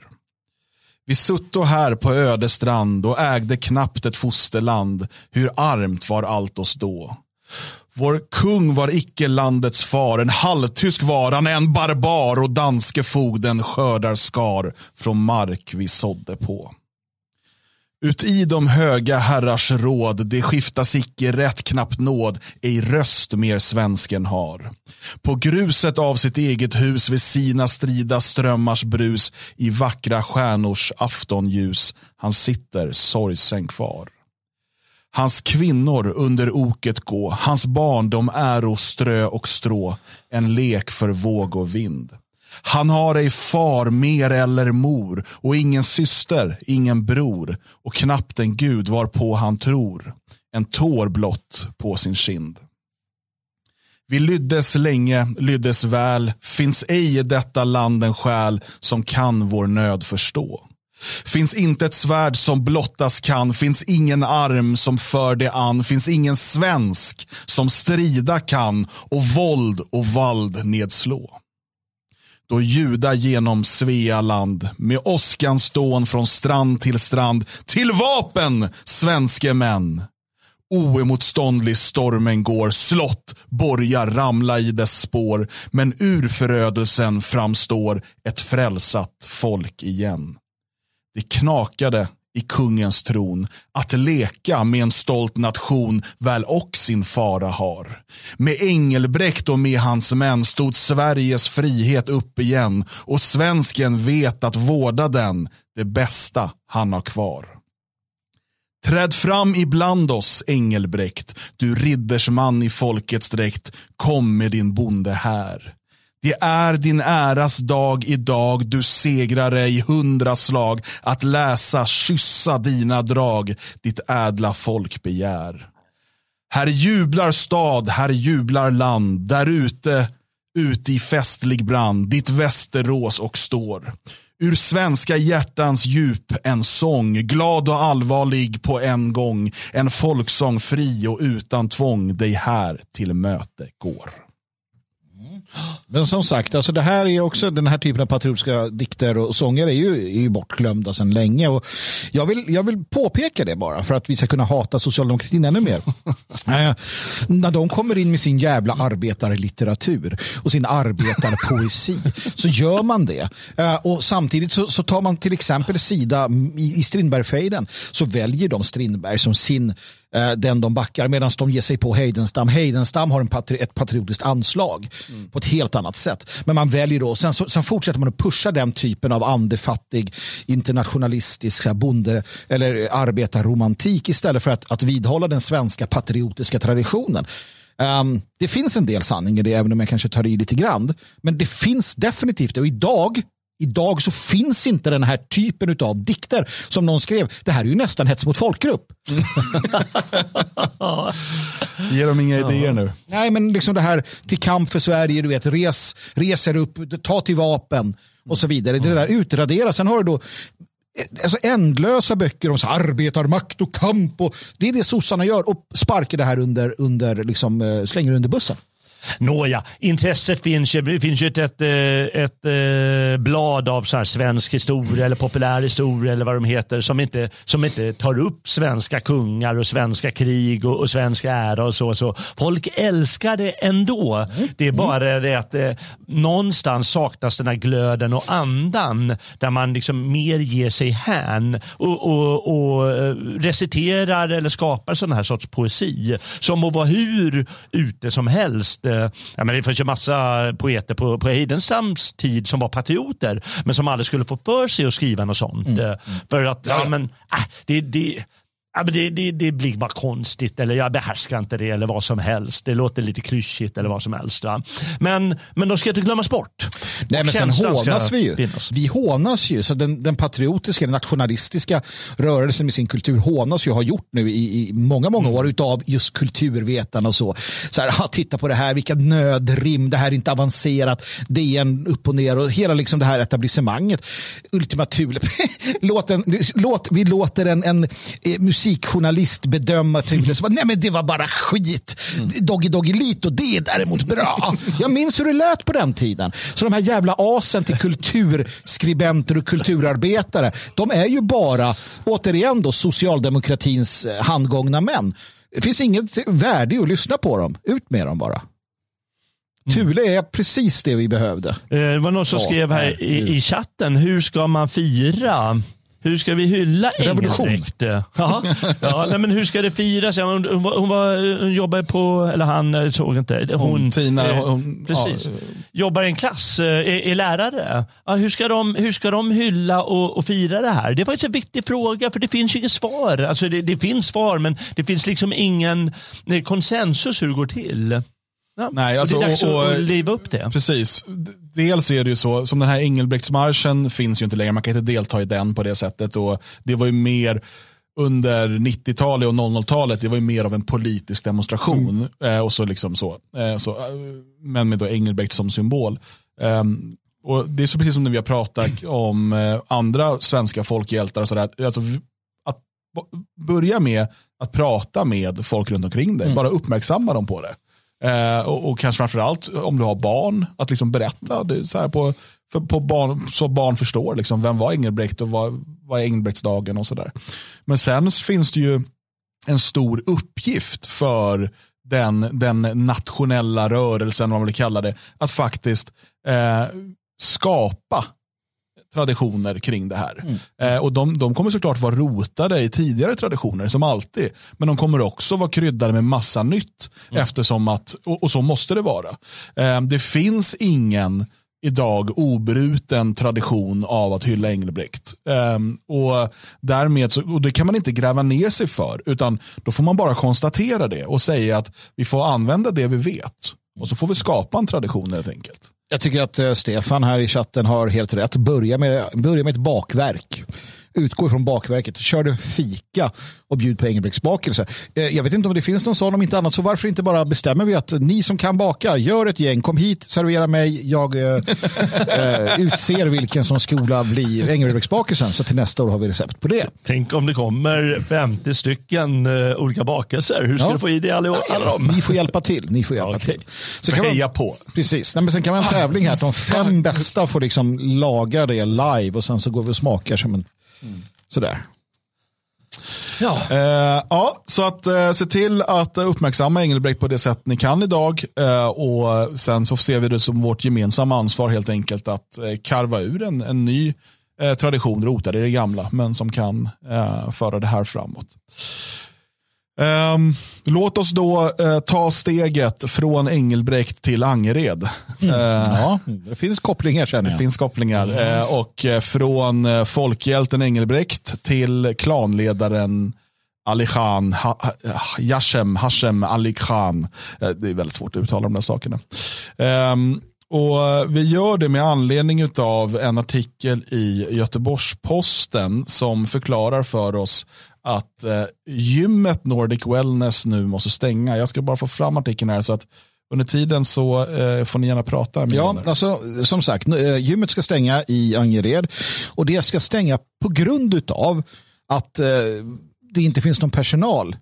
För alla är sjuka, om du ska tro på cheferna. Men när man tittar närmare på detta från Göteborgs-Postens håll och eh, pratar runt så inser man ganska snart att nej, det är inte det det handlar om, utan vad det handlar om är att eh, personer som de då säger tillhör Alikan-nätverket, eh, den släkt, den klan som styr Angered eh, eh, har varit på gymmet och ställt till det så pass mycket att eh, ingen vill jobba där längre.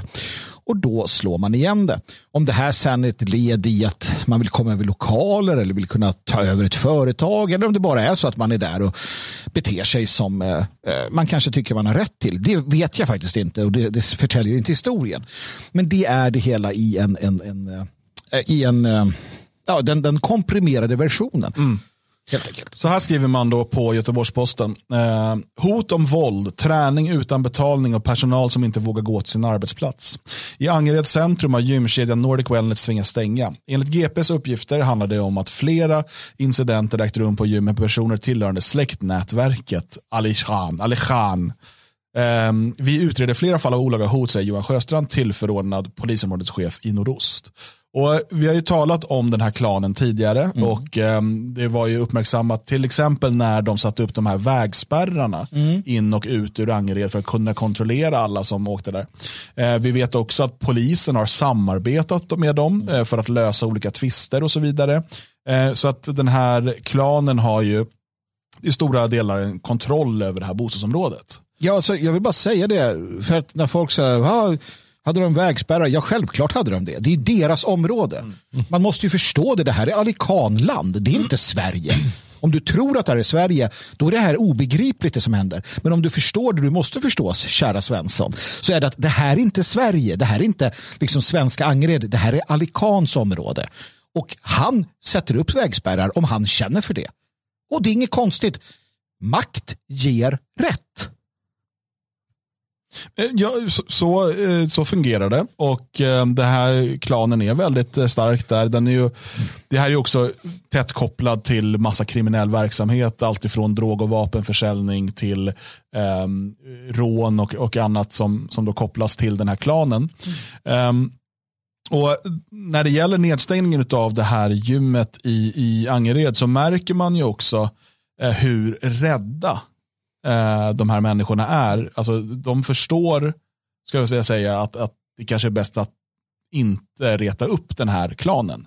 Ehm, för att eh, Göteborgs-Posten har varit tvungna att tala med anonyma källor, dels tidigare medarbetare, dels eh, gymkunder, som då berättar att eh, det har liksom varit en tummelplats för kriminella, det har eh, varit hot och, och våld, eh, polisen har- utreder en hel del olika brott och sådär. Men Eh, Johan Sjöstedt, nej, får jag säga, ehm, ska se, hitta chefen här för, för gymmet. Mm, Ehm, han kommer där.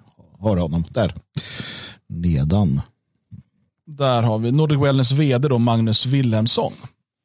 Han säger att det har inte hänt någonting på det här gymmet. Nej. Han säger det är ingenting jag hört talas om, det låter som rena rykten. Vi har stängt på grund av personalbrist efter att personalen sjukskrivit sig av privata skäl. Han säger sig inte heller känna till att polisen utreder flera fall av olaga hot i lokalerna. Det är mer än vad jag vet om jag ska vara helt ärlig. Säg inte om jag ska vara helt ärlig, det- blir bara värre då. inte heller Nordic Wellness distriktschef i Angered, Camilo Latoff, vill kännas vid problematiken. Jag har arbetat här i ett par månader och det är ingenting jag känner till. Det där är nyheter för mig, men jag kan bekräfta att vår platsansvarige är sjukskriven. Ja, men eh, det är inte så konstigt. Alltså, Nej, det är inte konstigt, men det säger någonting om klimatet där. När varken vd eller distriktschef kan säga att nej, men det har varit hot. De behöver inte säga Ali Khan. Nej. Det- De kan säga så här, ja, vi vet inte vilka det är, men det har varit hot och därför vill inte personalen arbeta där. Jo. Istället, nej men de är sjukskrivna, vi vet ingenting om det här. Men de här vet ju precis som vi att eh, polisen samarbetar med Alican-nätverket. Alltså, hur ska du som, man, man förutsätter att du som medborgare ska liksom stå upp mot eh, Alican eller andra när du vet att polisen i Göteborg har låtit Alican-nätverket sköta medlingar och, och sk- skipa rättvisa. Och, och man har liksom tagit, tagit rygg på dem. Det har polisen gjort. Polisen har ju därvid visat att nej men det här är en maktspelare som vi som vi liksom förhåller oss till. Det är väl självklart att man då som, som de här förstår att okej, polisen pallar inte, varför skulle jag, jag tänker inte. Nej, nej, jag, så jag det- förstår, ja. jag förstår dem. Eh, men det blir ju nästan sketchartat. Ja, ja, det är parodiskt. Det är det. Så här, nej, vi vet ingenting. Så här. Man, man ser framför sig i den sketchen hur han sitter med en blåtira, du vet. Så här. Så, ja, det har inte, vi vet ingenting om någon våld här. Nej. Och så ser man eh, lite i bakgrunden ser man eh, en kille på tronen. Ja. Ja, Men det, det här är ju alltså det samhälle de bygger nu. Alltså det som de bygger här, det är det som italienarna fortfarande plågas av med maffian. I, i alltså de södra delarna framför allt. Och, och, och det har liksom inte på det sättet funnits i Sverige, men nu håller det på att slå rot. Vi är i början på en utveckling som i Italien, jag vet inte hur länge den har pågått, hundratals år Ja, med ett litet visst. avbrott under fascistregimen. Men nu håller vi på att lägga grunden för det. Ja. Med, med släktbaserade nätverk från andra Och eh, jag, jag återkommer alltid till samma sak. Och det är, som ni var inne på lite, att polis och myndigheter och politiker har sagt varsågod. Ja, ja. Man får aldrig glömma det. Som du säger, de samarbetar med dem eh, på, på otrevligaste sätt. Varför det? Men- men det är inte får vi bara- aldrig glömma. Det är inte bara det, utan det är också så här. Och jag, snälla, ni som lyssnar, förstår detta. Ali Khan är inte kriminella. Det är inte ett kriminellt nätverk i sina egna ögon. Nej, nej. Så här är det. det finns... I Sveriges lag och Ja, ja. eh, Libanons ja, ja. lag. Ja, och, den. Så här, svenska kriminella som Clark Olofsson och så, de visste mycket väl. Vi är kriminella, Mm. vi gör kriminella handlingar och det är så det är. De här människorna är sig själv närmast. Ja, för De att- ser inte att Nej, för att man måste förstå, Banan nej, men någon, det handlar framförallt om att de egentligen inte ens erkänner statens legitimitet. Och eftersom att, alltså den, den, den, Sverige AB, och eftersom de inte gör det, utan för dem är staten en, bara en spelare man måste förhålla sig till. Precis som att andra klaner eller kriminella gäng kan vara spelare att förhålla sig till. Och man måste kanske liksom ha vapenvila, man kanske måste eh, liksom handla med dem, ibland betala lite skatt eller sådär för att liksom hålla sig på god fot. Men de ger ju inte staten legitimitet av att, ah, okej, och därför har ni också rätt att bestämma över oss. Utan nej, det är vi här i vår klan. Vi bestämmer över, över vår klan. Eh, För de kommer från en sån kultur, där liksom klan, en klankultur, där det fungerar så. Ehm, det finns en, eh, eh, den här boken mellan, mellan eh, klan och stat, eh, som ju handlar om, det handlar om somalier då framförallt. Den, den är också väldigt intressant för just vad händer, och det är från en person, jag kommer inte ihåg vad han heter nu, men han, han älskar ju de här somalierna verkar det som. Men, men det är ändå, den är ändå intressant för att just den här krocken som blir när människor från klankulturer invandrar till ett så pass eh, statscentraliserat land som Sverige. Eh, det, det är liksom det är verkligen att försöka trycka ner liksom en, en fyrkantig kloss i ett runt hål. Det, är liksom, det går inte. Det är som är så pass olika. Um, och, eh, så, så att, och det är det som sker här med, med Ali Khan också. Jag tänker bara att vi, man måste förstå också det här överhuvudet, Hashem Ali Khan, tror jag man säger det. Eh, och vem han är. Eh, och Det finns ett inslag här på Expressen som jag tänker att vi ska titta på. Och Det är då eh, utav eh, den här, eh, det är en, en, en utländsk eh, journalist på Expressen, Hassam någonting. Så att vi får leva med att det är lite bruten svenska när han pratar. Men det är också nödvändigt för han åker ju till, till Libanon och pratar arabiska med dem. Så det är väl bra att han har den språkkunskapen. För att Hashem Ali Khan kommer till Sverige eh, och eh, får uppehållstillstånd och sen medborgarskap. Men han har ju ganska mycket bagage redan när han kommer hit. Så låt oss bara kika på det här. Hashem Ali Khan är överhuvudet för Sveriges mest omtalade klan. Enligt polisuppgifter styr den tungt belastade kriminella grenen av hans släkt delar av förorten Angered genom hot och utpressning och har varit inblandad i ett våldsamt gängkrig i Göteborg. 64-åringen själv har aldrig dömts för brott i Sverige och beskriver sig som en fredlig familjeman och religiös ledare. Men bilden som klanledaren spridit av sig själv i domstolar, i intervjuer och i boken Familjen visar inte hela sanningen. Expressen har efter flera månaders arbete på plats här i Libanon lyckats spåra tidigare okända rättegångsprotokoll, domar och vittnesmål som visar att Hashim Ali Khan i 37 år har levt på flykt undan rättvisan i Libanon. Han är dömd i sin frånvaro och efterlyst för flera grova brott, bland annat för att ha mördat en tiobarnsmamma med automatvapen. Här har vi då Hashem Ali Khan. Vi ska kolla vidare här. Men Hashem Ali Khan kommer till Sverige. Är dömd i Libanon till dödsstraff. Vilket mycket väl kan ha varit ett skäl till hans uppehållstillstånd. Eftersom att Sverige då inte får skicka tillbaka någon till dödsstraff. Då Sverige skickar inte, om, de, om de är dömda till dödsstraff i hemlandet, då är det en anledning att ge dem asyl. Ja, ja visst, alltså, vi gör inte det. Nej. det nej, men, och, man, måste, man, måste, man måste förstå hur sjukt det är mm. att om du har begått eh, grovt eh, då, eh, brott i ditt hemland och döms till döden och du lyckas fly till Sverige då får den här grova brottslingen stanna i Sverige för inte kan vi skicka tillbaka någon mm. till ett dödsstraff. Mm. Här eh, pratar han då med eh, en, en kvinna från eh, domstolen tror jag i, i Libanon och frågar vad händer om Hashem Ali Khan tar en flight från Stockholm eh, och åker till Beirut? Hon svarar han kommer att bli gripen direkt på flygplatsen. Ingen själv menar att han gav svenska myndigheter full insyn i de tidigare domarna när han kom till Sverige som flykting. Du frågar grejerna eh, gammal 44 här pratar vi då alltså, det här är alltså Hashem Ali Khan som har bott i Sverige i 40, eller i 30 år någonting. Eh, som talar nu. Tiden jag har kommit till Sverige, jag har lämnat alla papper till Migrationsverket. Hashem Ali Khan är bland annat dömd till livstidsfängelsestraff för mordet på tiobarnsmamman Haji Manji. Domstolshandlingarna beskriver i detalj hur hon dödades en sommarkväll 1980. Två bilar körde fram till det här bostadshuset, ställde sig utanför den här byggnaden. Två väpnade män klev ur ena bilen och ropade namnet Haji Manji kom ut. Tiobarnsmamman som bodde på våning ett här bakom mig. När hon väl tog sig ut på balkongen sköts ihjäl. Flera vittnen här på plats pekade ut gärningsmännen och mannen som avlossade de döda skotten. De pekade ut Hashem Ali Khan. Haji Manji var känd för sina kontakter med både myndigheter och milisgrupper i Beirut.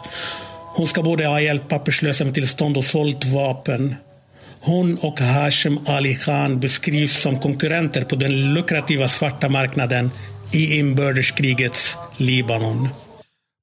Han var aktiv på den svarta marknaden i Libanon. Eh, skjuter ihjäl den här kvinnan som är någon typ av konkurrent. Då. Eh, döms till döden. De kommer sen omvandlas sen till livstid, men han döms till döden.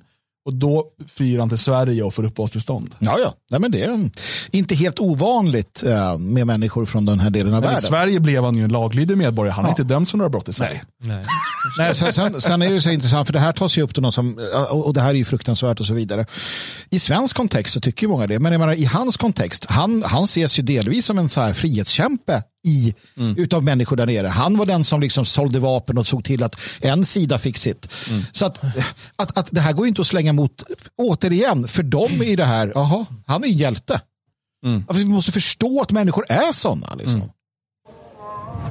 Här eh, i domstolen här i Beirut eh, så dömdes han 1994 först till döden men domen ändrades till livstids fängelsestraff. Hallå? Ja, hej Hashem. Expressen har flera gånger sökt Hashem Ali Khan. Frågorna kommer fram och jag vill inte svara på det. Han förnekar att det var han som låg bakom mordet på kvinnan.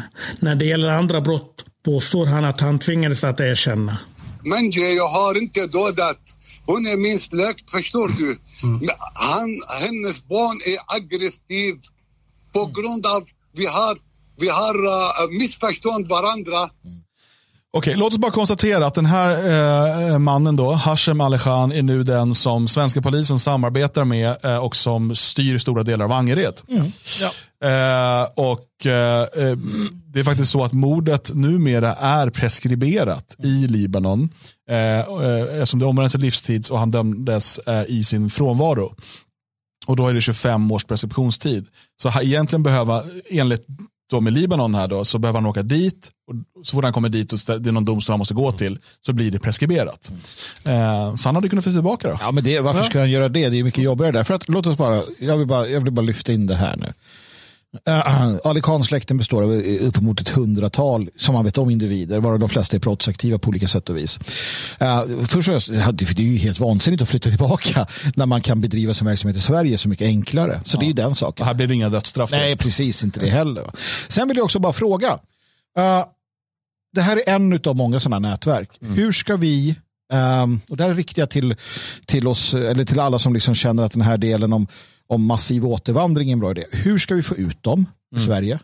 Jag, jag bara undrar, hur, det var någon som skrev skicka in militären och rensa. ja, det skulle man kunna skriva en ball historia. Men på riktigt, skit, skit i alla de här.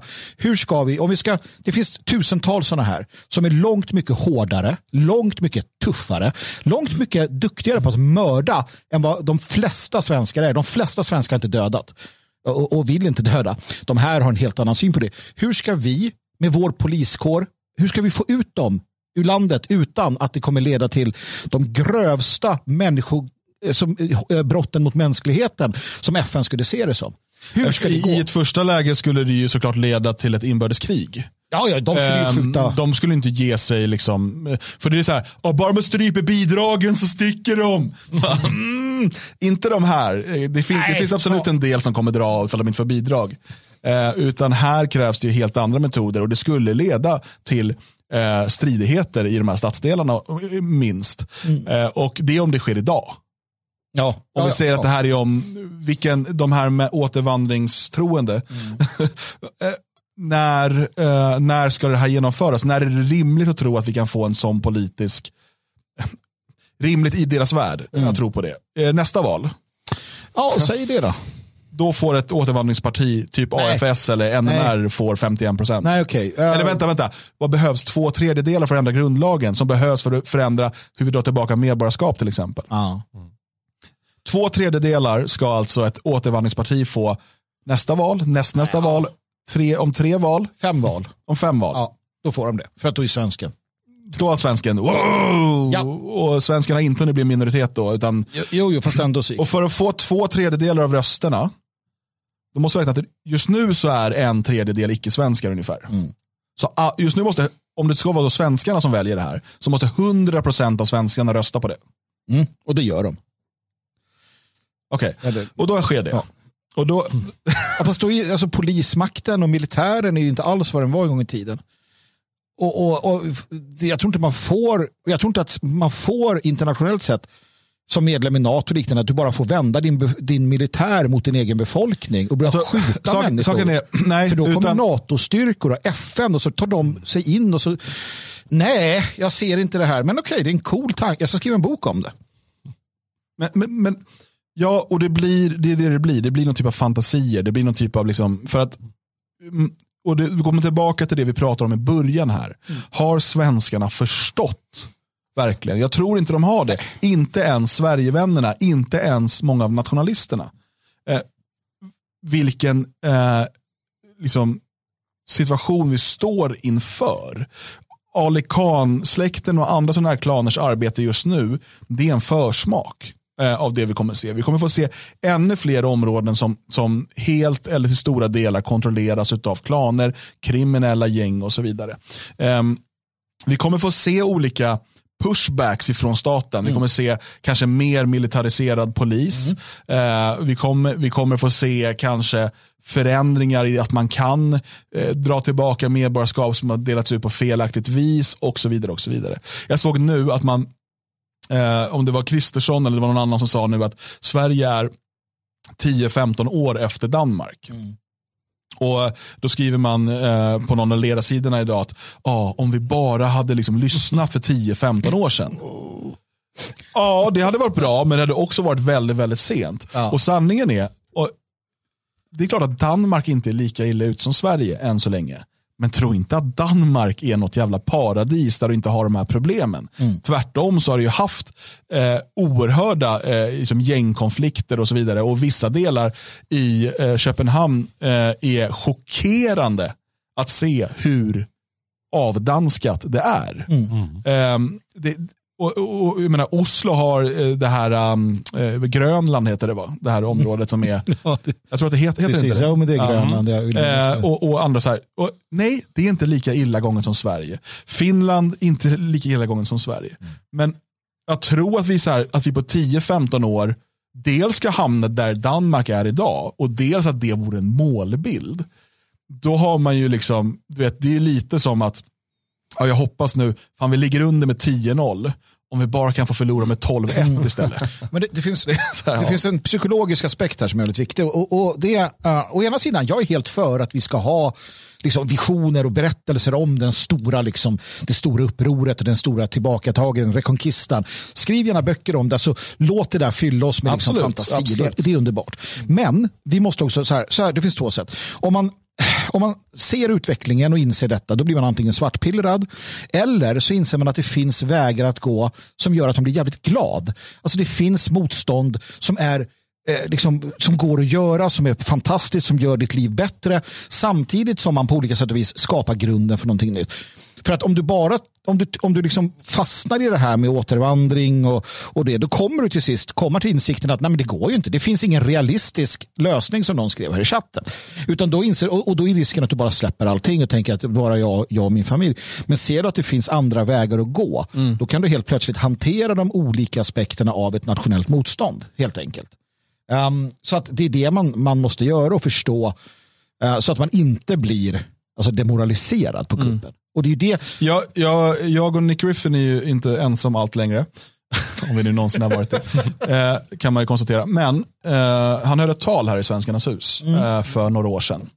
Som jag tyckte var väldigt bra. Eh, och han målade ju upp en framtid. Eh, som, jag vet inte om man kan gå in i detalj på allt han sa. Men, men en del. en del av det eh, är ju som en framtid där svenskar, eh, nationellt sinnade svenskar i allt större utsträckning lämnar städerna, organiserar sig på lands och glesbygden eh, och bygger upp eh, så parallella strukturer som det bara går och tar hand om varandra, ser till att livet inte bara i framtiden är bra för svenskar utan också idag för de svenskar som vill vara en del av det. Alltså det arbete som vi gör med det fria Sverige.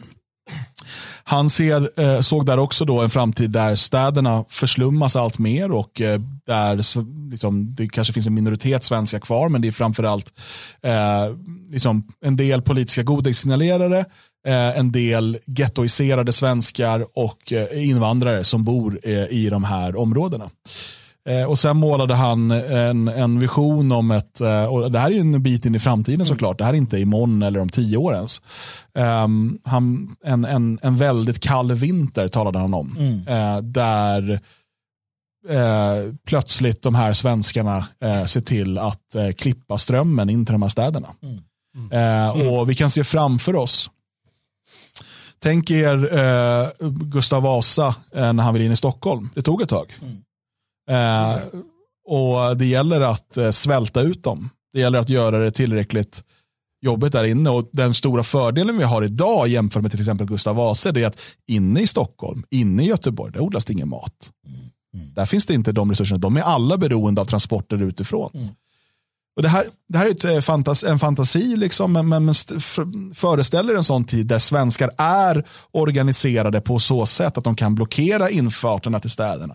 Att de kan stänga av elen in till städerna och sen ställa krav.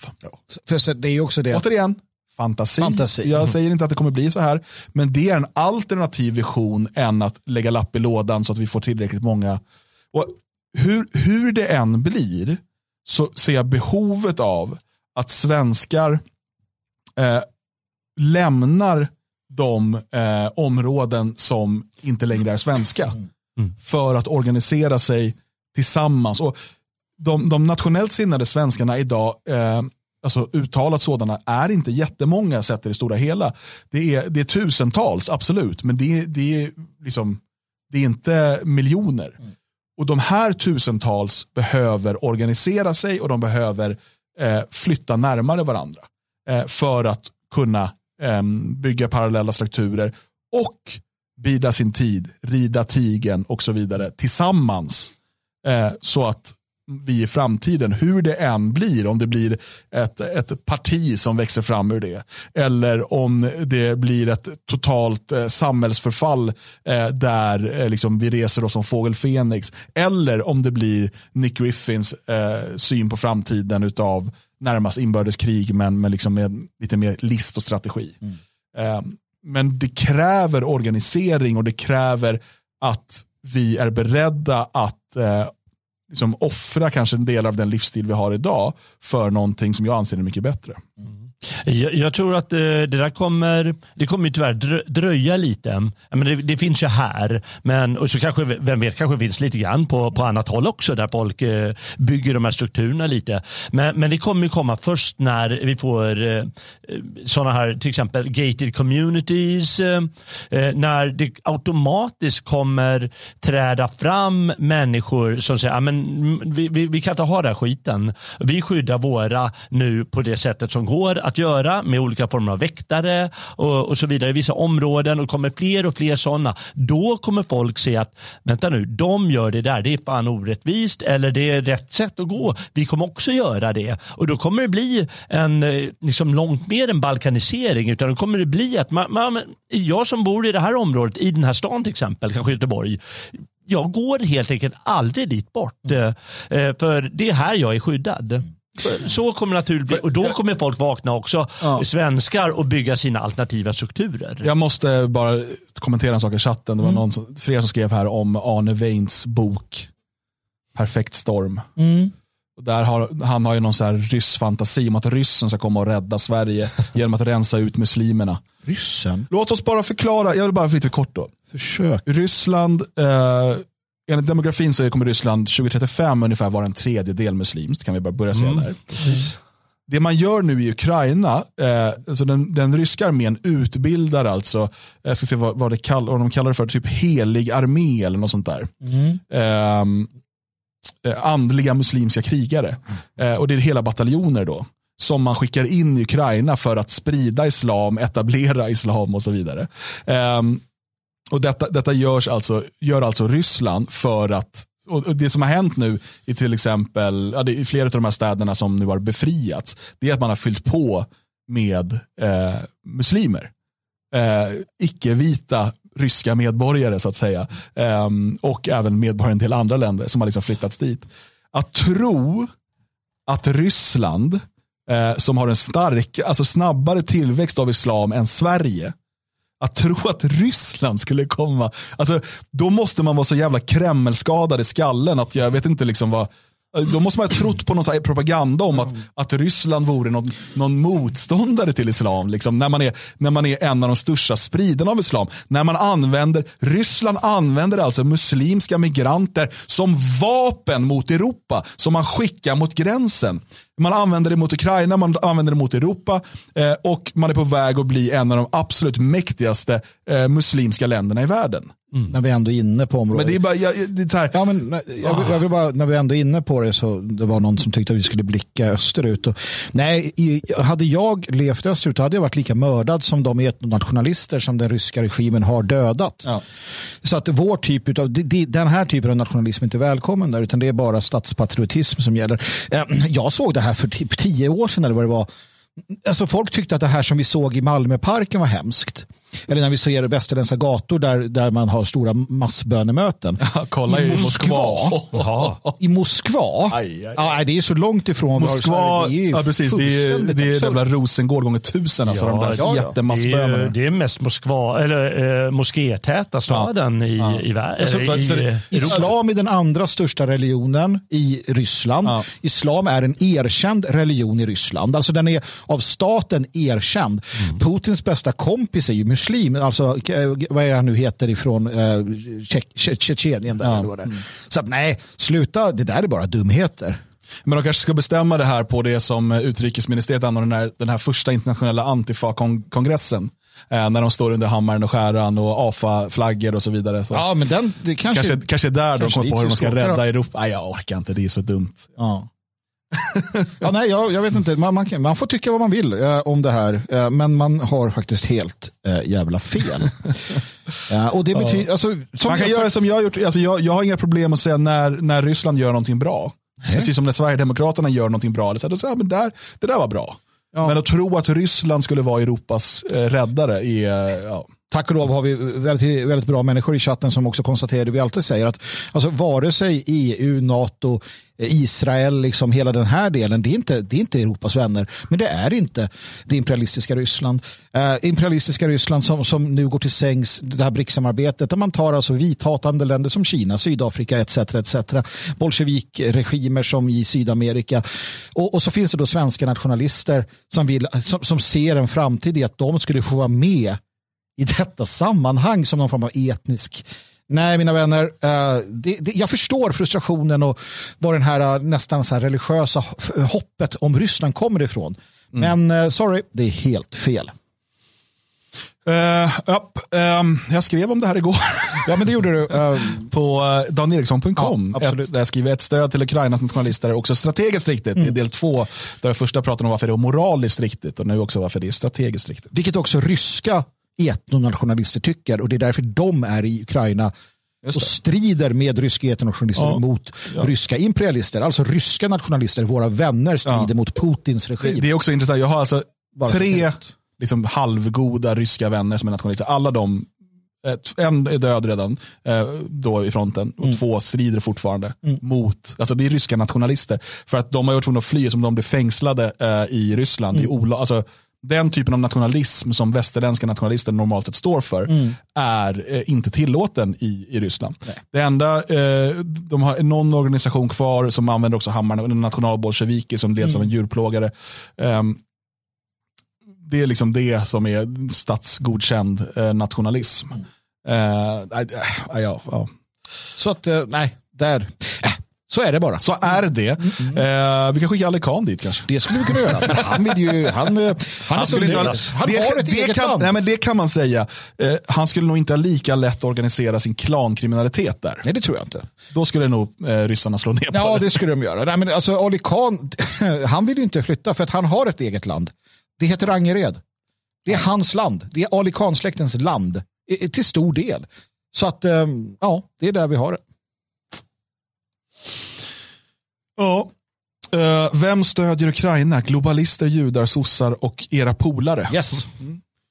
Okej, så att om Sverige blir attackerat och vi försvarar Sverige som nationalister, vi försvarar vår hembygd, vi försvarar Elgarås.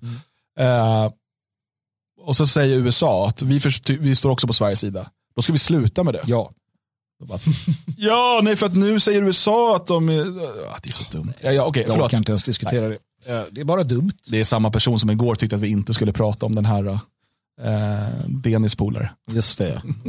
Det gjorde vi i alla fall. Här har vi eh, sanningsanspråket. Nej, det har vi inte, men vi har i alla fall eh, möjligheten att prata om vad vi vill. Ja, och så gör vi. Har ni något mer att tillägga om Ali Khan? Eh, nej, herregud, det finns det inte. Eller, ja, det finns jättemycket att säga om Ali Khan, eh, naturligtvis. Eh, Men framförallt så önskar jag som sagt att svenskarna tänker mer klan, eh, inte klan i den bemärkelsen kanske, men alltså mer släkt, mer familj, mer sammanhållning, mer eh, ta sina egna områden i besittning och hålla dem eh, och så vidare. Måste man hålla med 100% för att lyssna och delta? Frågar Starshine. Ja. Nej men vadå, han, är, han eller hon är väl inte bannad eller? Nej, jag tycker Där, tvärtom så lyfter vi ju upp åsikten här. Ja, jag tycker det är bra. De eh, kommer med sina olika infall, folk, och det är väl gott. Eh, Jättebra. Då kan man ju, kan man ju ge svar på tal, eller man kan nyansera det hela, eller, eller vad som helst. Så är det. Eh, imorgon, då har vi världspremiär för en ny låt. Fantastiskt. Jag älskar när vi har det. Vi har så många världspremiärer här. Det är ju fan värre än Spotify. Eh, och eh, det är ju eh, Urskogen som har spelat in eh, en, en eh, ny visa. Vi har hört den faktiskt några gånger i huset, men den har inte varit inspelad tidigare. Ehm, så nu är den inspelad och färdigproducerad och eh, kommer ut egentligen först nästa vecka. Men vi spelar den redan imorgon. Det är så vi gör. Eh, Så att den får ni höra om ni är med och lyssnar imorgon när vi sänder live från klockan 10. Sen blir det ju långhelg. Ja, det blir det. Eh, Det är ju första maj, då ska vi ut och demonstrera och sånt. Ja, absolut. Det är arbetarnas eh, enda jävla... Då, då behöver vi inte gå in i gruvan. Det är skönt det i alla fall. Eh, utan vi är tillbaka på tisdagen sen. Men först, det är en fredag imorgon. Eh, vi kommer eh, sända som vanligt. Vi kommer också ta reda på om Bilans pappa på kvar. Dricka champagne! Ja, kanske. Vi får se också om vi kanske pratar om den här majblommeförsäljningen eller inte. Som inte eh, vi skjuter upp det hela tiden. Ja, det fin- jag, har, jag har sagt lite på Twitter om det här. Ja. Eh, mest bara att jag tycker att folk kanske borde bli mer... Jag, jag bara noterar att svenskar engagerar sig jättemycket för den här lilla pojken. Men samma svenskar inte bryr sig när svenska majblommeförsäljare för typ tio år sedan började bli rånade. Jag tycker att man kan väga in i att om man tycker synd om den ena bör man åtminstone kunna tycka synd om och ta ställning för de andra. Vi kan också konstatera, äh, du skulle inte prata om det där. Nej. Nej. Utan det kommer vi få göra eh, Imorgon imorgon kanske. vi fler Mm. Vi får se helt enkelt. Du som är med imorgon eh, får ju veta. Det här är ju ett så kallat gratisavsnitt, eller ett öppet avsnitt där du kan höra hela avsnittet fast du inte är stödprenumerant. Om du vill stödja arbetet vi gör och få tillgång till alla avsnitt i efterhand, då blir du stödprenumerant inne på svegot.se support. Glöm inte nu in på friasvenskar.se och boka in dig till releasefesten och föredraget i Stockholm den 27 maj. Där finns också länk för att förbeställa boken om du inte kan komma på själva releasen. Nu tackar vi för oss och önskar en riktigt fin torsdag. På återseende imorgon.